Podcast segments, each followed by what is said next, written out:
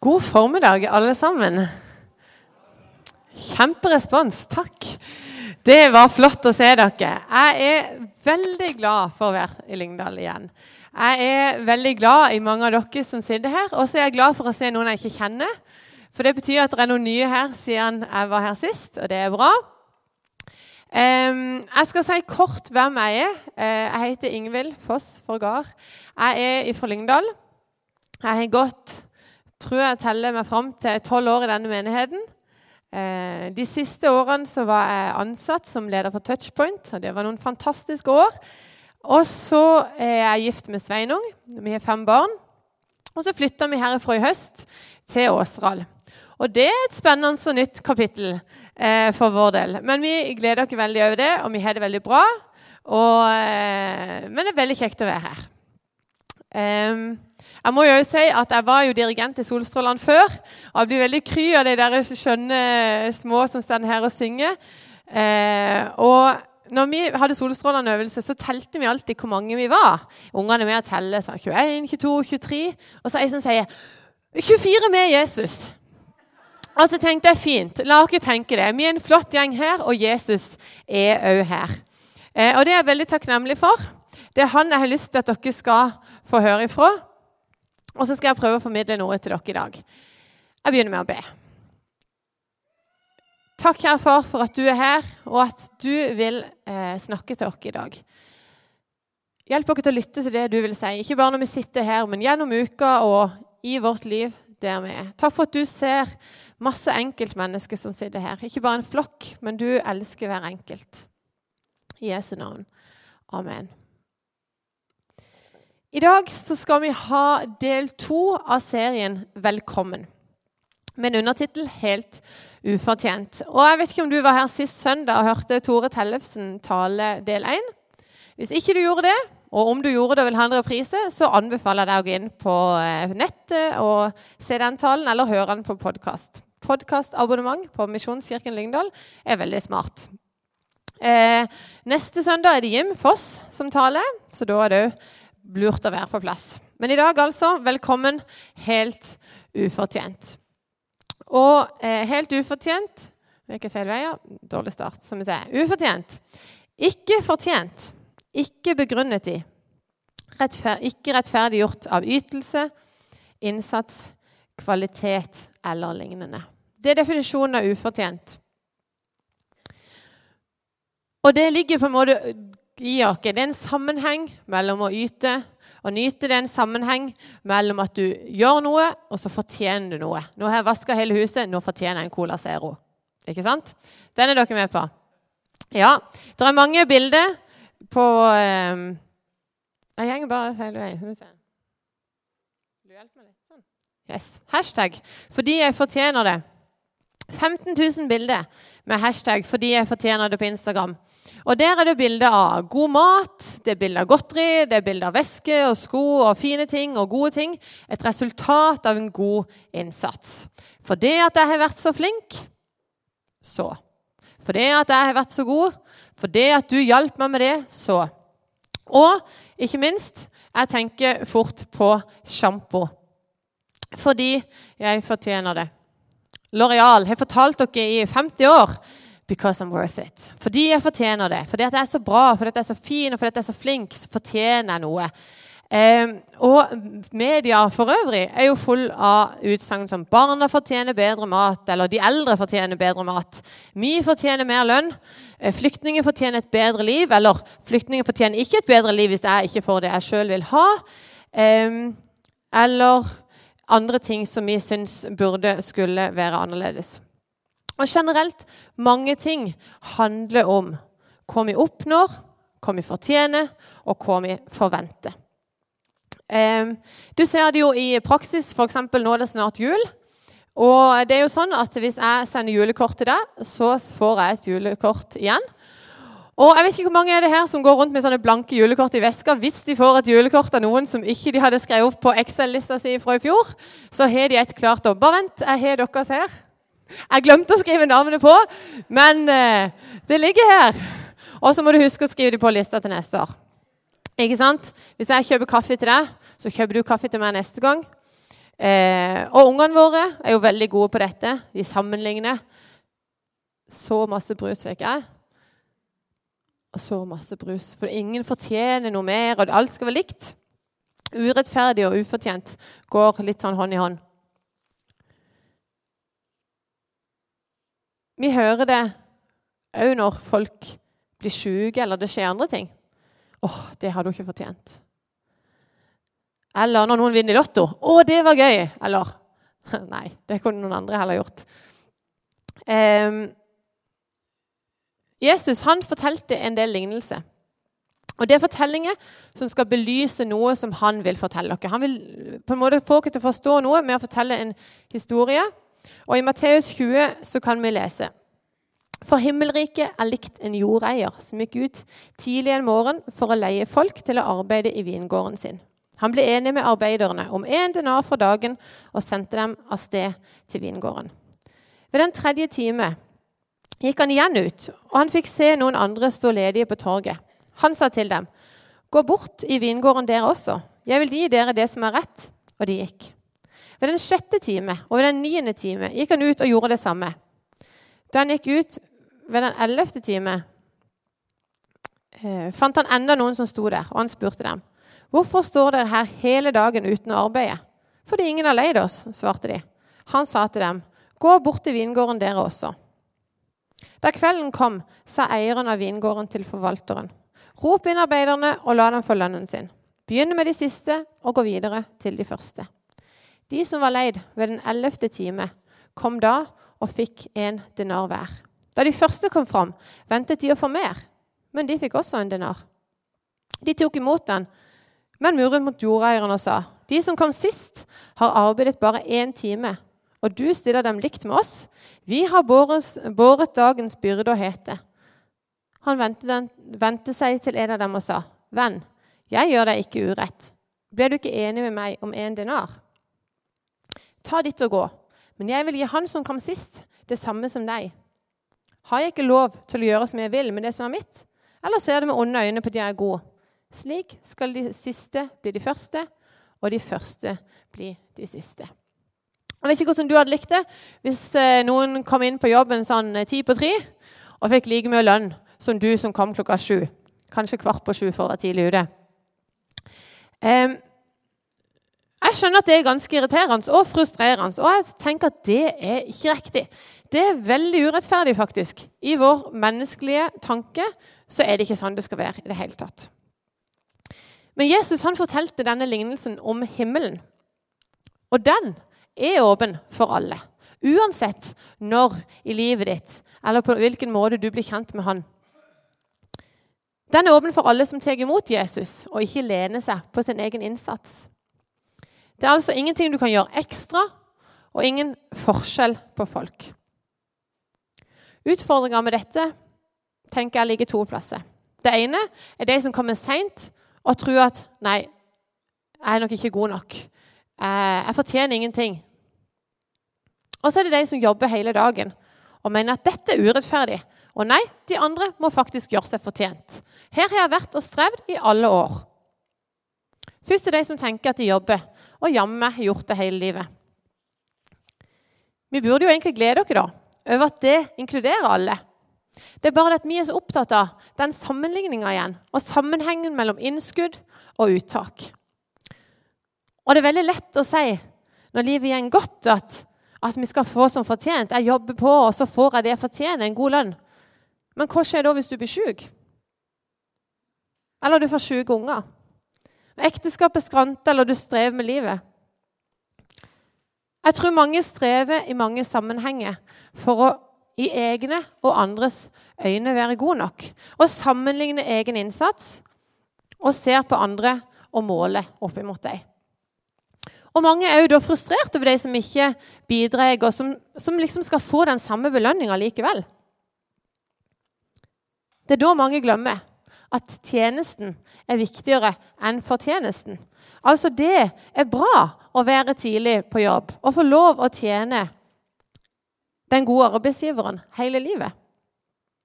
Altså Herren. Og hvis du setter din egen innsats opp mot gevinsten, da, så vil du fort tenke at 'jeg fortjener en god helse', eller 'jeg fortjener å bli gravid', eller 'jeg fortjener en god økonomi'. Men så gjør du jo ikke noe verken fra eller til. For at du får lov å bare tjene. Skal vi lese litt om akkurat det? Om å gi og få. For i Lukas 6, vers 31-38, som står det Som dere vil at andre skal gjøre mot dere, slik skal dere gjøre mot dem. At dere elsker dem som elsker dere, er det noe å takke dere for? Selv synderne elsker dem de blir elsket av. Om dere gjør godt mot dem som gjør godt mot dere, er det noe å takke dere for? Det gjør jo også synderne. Og om dere låner ut til dem eh, dere venter å få igjen av, er det noe å takke dere for? Også synderne låner til syndere for å få like mye igjen. Nei, elsk deres fiender, gjør godt og lån bort uten å vente noe igjen. Da skal lønnen deres bli stor, og dere skal være den høyestes barn. For han er god mot de utakknemlige og onde. Vær barmhjertige, slik deres far er barmhjertig. Døm ikke, så skal dere ikke bli dømt. Fordøm ikke, så skal dere ikke bli fordømt. Ettergi, så skal dere få ettergitt. Gi, så skal dere få. Et godt mål, sammenristet, stappet og breddfullt, skal dere få i fanget. For i det målet dere selv måler med, skal det også måles opp til dere. Og Her snakker Jesus ganske radikalt om de normene som er i samfunnet blant oss mennesker.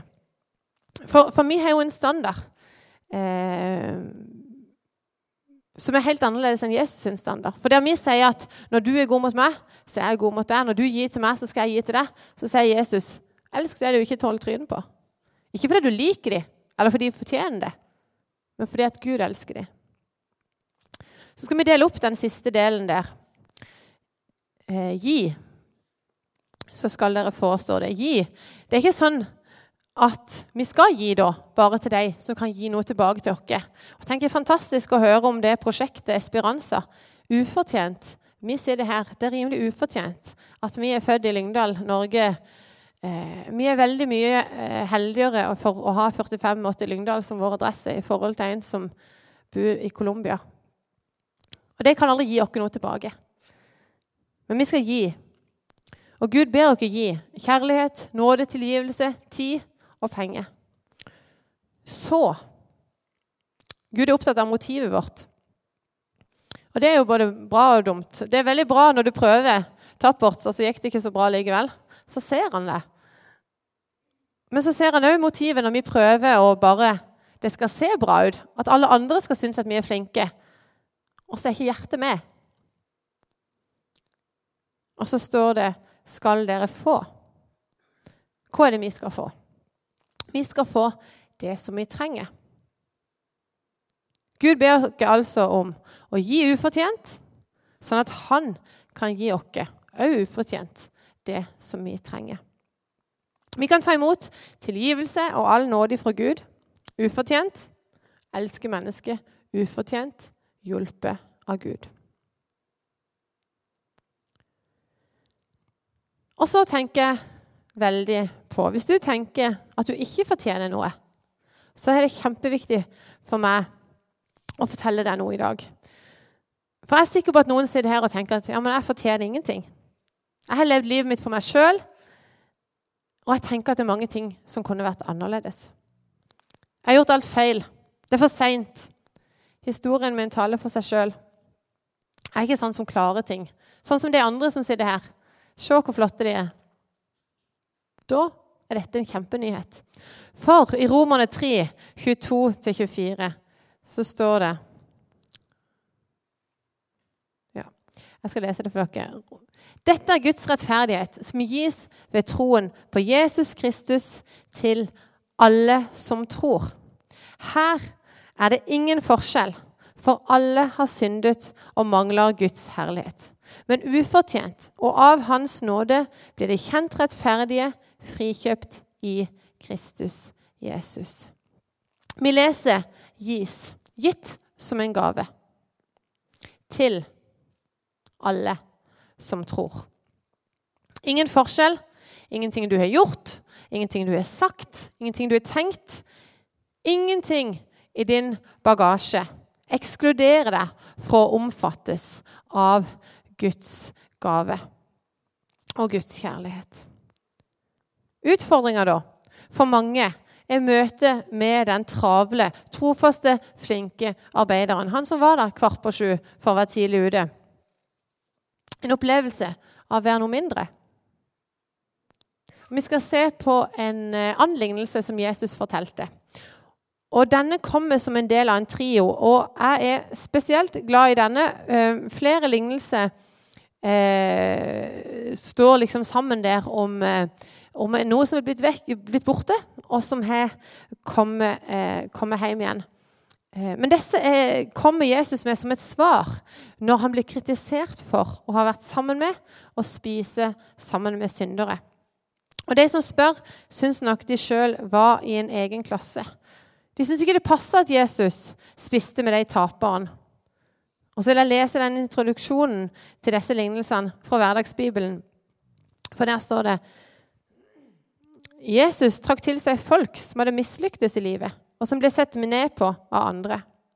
De holdt seg nær Jesus for å høre det han hadde å si.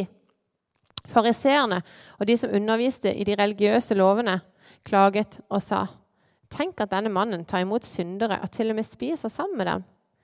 Jesus svarer med å fortelle tre lignelser vi skal se på den ene. Skal vi se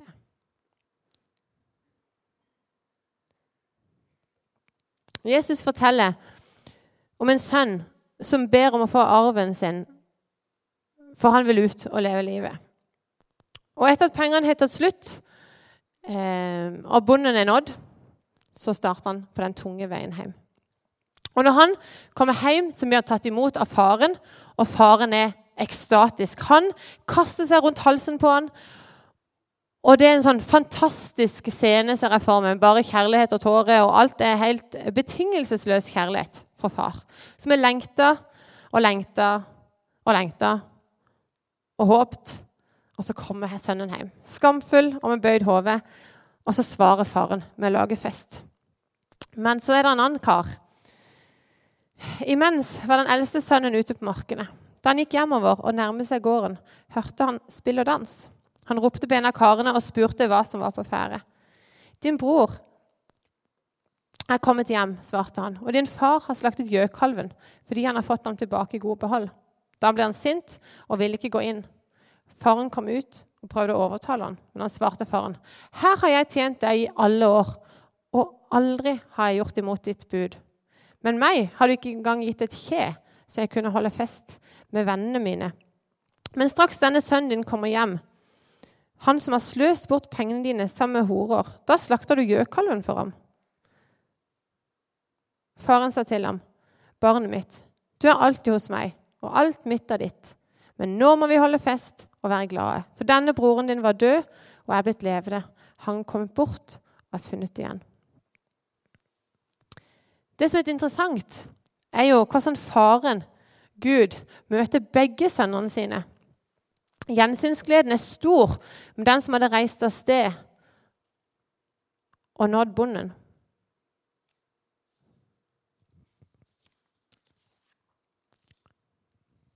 Og i møte med den sønnen som hadde gjort alt rett, men kjenner på misunnelse kanskje bitterhet, så er faren like varm.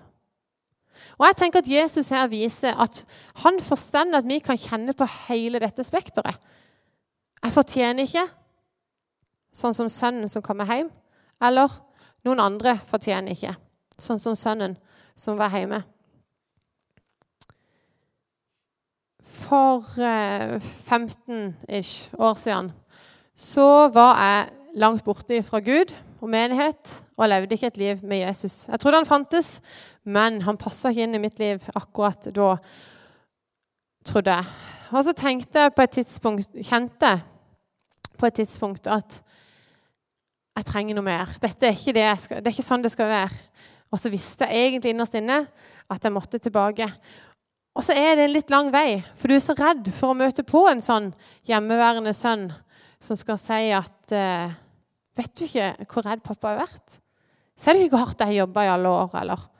Tror du det bare kan dukke opp sånn? Og så opplevde jeg et vendepunkt, for jeg møtte en flott mann, en prest som jeg hadde kjent tidligere. Og jeg var så skamfull da jeg kom eh, litt sånn eh, sliten og brisen, og han serverte kaffe og omtanke, og ingen fordømmelse. Og så ser jeg i ettertid at det var akkurat det som mangla. Noen som ga meg et nytt bilde, et annerledes bilde på hvem det var å representere Jesus når jeg var der. For jeg hadde et, et bilde av hvordan jeg skulle bli møtt. Og jeg er så glad for jeg møtte han, og at ikke møtte en hjemmeværende sønn. En som skulle fortelle meg alt jeg hadde gjort feil, og som skulle eh, vise meg hvor vei lang, lang veien var hjem. For de skrittene hjem kan være lange. For min del så tok det halvannet år fra det, det møtet og til jeg ga livet mitt til Jesus. Men det skjedde noe med meg. Og jeg tenker at Der er det viktig. Om du enten er den som kjenner at 'jeg fortjener ikke', eller om du tenker av og til at 'de fortjener ikke'. Vi må ikke møte dem som en hjemmeværende sønn. De må få lov å møte far, som står og lengter og venter. Og han vil lage fest. Slakte en kalv og gode greier. Vår målestokk på rettferdighet betyr ofte likt eller du får som fortjent. Det var ikke sånn at Jesus døde fordi han fortjente det. Gud er den som gir, og vi har mottatt så uendelig mye mer enn vi noen gang kan klare å gi tilbake. Ufortjent, og ved Hans nåde er vi frelst. Jeg leser det verset en gang til. Dette er Guds rettferdighet som gis ved troen på Jesus Kristus til alle som tror. Her er det ingen forskjell, for alle har syndet og mangler Guds herlighet. Men ufortjent og av Hans nåde blir kjent rettferdige, frikjøpt i Kristus Jesus. Så ja, du kan faktisk bare dukke opp og si, 'Jesus, jeg vil tilhøre deg'. Og Mange kan kjenne på vonde følelser når erkjennelsen av hvordan livet ble, møter tanken om hvordan det burde vært. Det kan du legge vekk i møte med Jesus. Hvis du bestemte i januar at eh, i 2018 dette er det året jeg skal komme i form, og fortsatt ikke er trent, så ligger du litt dårlig an. Det er noen beslutninger som krever arbeid over tid. Resultatet kommer etter hvert. Det er blod og svette og tårer. Og du må liksom hele tida jobbe så hardt for å oppnå det du vil. Hvis du tenker at det der med tro, det må jeg finne ut av, så er det ikke noe opptrening. Det er ikke noe klargjøring. Det er heller ingen kvalifisering. Det er et øyeblikks beslutning. Fra mørket til lyset. Og du kan bestemme det akkurat her og nå at helt ufortjent så vil jeg ta imot den gaven Gud har til meg. Og Jesus skal få lov å bli herre i mitt liv. Det vil aldri bli perfekt, det livet som du skal leve, selv om Jesus er med. Vi vil fortsette å gjøre feil. Og vi fortsetter å ikke fortjene alt det vi får. Men det er ingenting som kan skille deg eller meg ifra det faktum at Jesus overvant døden for meg for 2000 år siden. Og at han elsker meg, han elsker deg uansett. Og mange sier det at det er helt gratis. Frelsen er gratis. Og jeg vil tenke at den er veldig kostbar. Men den er spandert på av deg. Og tenk så fantastisk å få spandert noe som er ordentlig dyrt, istedenfor noe som er gratis. Det er ikke gratis. Det var veldig dyrt, men det er spandert. Gud har skapt deg og ofra sin sønn for at du skulle bli fri. Helt uten prestasjon, helt uten opptakskrav. Og så sier han til deg akkurat nå velkommen. Helt ufortjent. Takk, Jesus, for at du eh,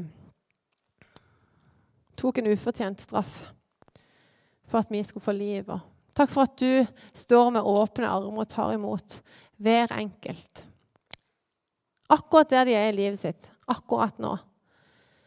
Du kjenner alt. Du kjenner forsida, men du kjenner òg baksida. Du vet det som ingen andre vet. Jeg deg for at du vil styrke og hjelpe og løfte, og aller mest frelse. Takker deg for fellesskapet. Hjelp oss å være eh, noen som heier på hverandre på veien, og ikke eh, hjemmeværende sønner. La oss peke på far som står og lengter og venter. I Jesu navn. Amen.